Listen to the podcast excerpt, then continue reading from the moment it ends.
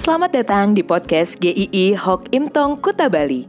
Penginjil Ray Reginaldi akan membagikan renungan harian singkat untuk membawa Anda mengenal dan menyembah Tuhan Yesus, bertumbuh dan menjadi murid Kristus, serta berdampak untuk banyak orang. Jika Anda merasa diberkati melalui renungan ini, silahkan bagikan podcast ini agar orang lain juga diberkati. Inilah renungan hari ini.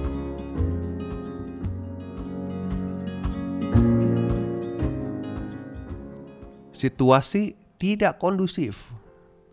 Yeremia 1 bagian 3 Belum lama ini, Taliban menguasai Afghanistan. Di tengah-tengah kondisi yang sedang chaos, kondisi yang sedang tidak kondusif,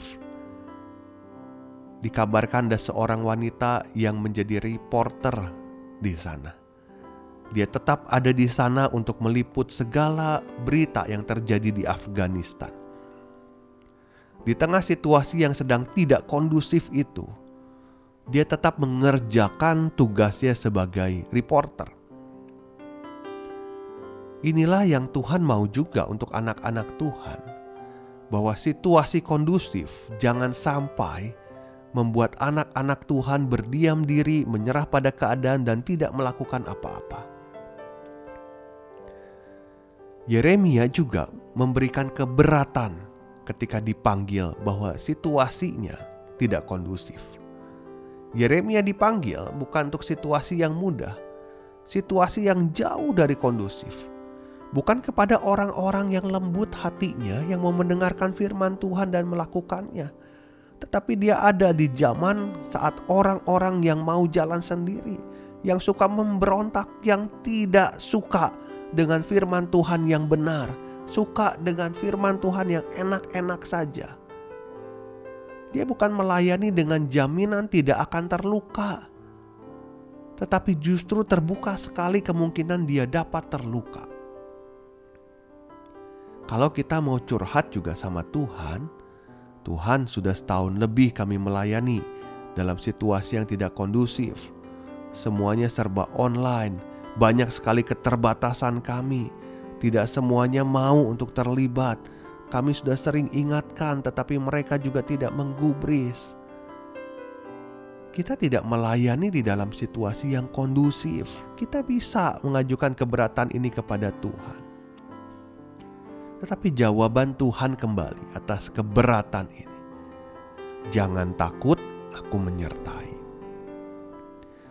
Janganlah takut kepada mereka, sebab aku menyertai engkau untuk melepaskan mereka. Demikianlah firman Tuhan. Ayat ke-8.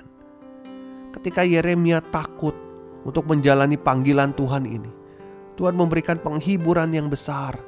Jangan takut kepada mereka, sebab aku menyertai engkau untuk melepaskan engkau. Demikianlah firman Tuhan. Panggilan ini besar, tidak mudah, situasi tidak kondusif, tetapi janji Tuhan adalah aku menyertai engkau atau aku bersama engkau, aku yang adalah Tuhan tidak akan meninggalkan engkau. Kata-kata ini adalah klasik sekali bagi orang Kristen, tapi sering diabaikan.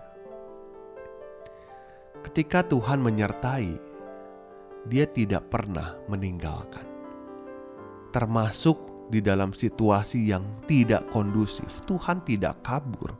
Justru Tuhan di sana akan menyertai dengan kekuatannya yang dahsyat. Tuhan terus melakukan karyanya. Kebangkitan Kristus menegaskan penyertaan yang tidak pernah luntur dan surut. Tuhan Yesus mengatakan, "Aku menyertai engkau sampai akhir zaman."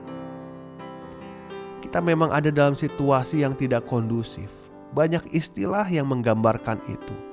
Dari PPKM darurat, PPKM level 4, new normal, adaptasi kebiasaan baru, dan lain-lain. Belum lagi kita melihat angka-angka kemarin ini ada lonjakan gelombang kedua COVID yang begitu menakutkan. Orang-orang terdekat kita bahkan kita pun kena. Banyak hal yang tidak kondusif hari ini bisnis belum lancar pelayanan juga sangat terbatas, tetapi penyertaan Tuhan selalu nyata dalam setiap langkah kita. Ada hal-hal yang tidak pernah terpikirkan yang bisa kita kerjakan justru di masa ini. Jangkauan kita semakin dibuat lebih luas oleh Tuhan, bukan hanya lokal saja. Kita bisa memberkati lebih banyak orang justru dalam kondisi seperti ini. Kendala-kendala dalam situasi tidak kondusif selalu ada. Tetapi ingat Tuhan berkata, jangan takut, aku menyertai. Maka menutup dari rangkaian tiga hari tentang Yeremia 1. Kita rangkum dalam satu kalimat. Saat Tuhan memanggil anak-anaknya untuk tetap dapat melayani di situasi yang tidak kondusif, Tuhan pasti tetap menyertai. Kita akan berjumpa di renungan esok hari dalam episode selanjutnya. Tuhan memberkati.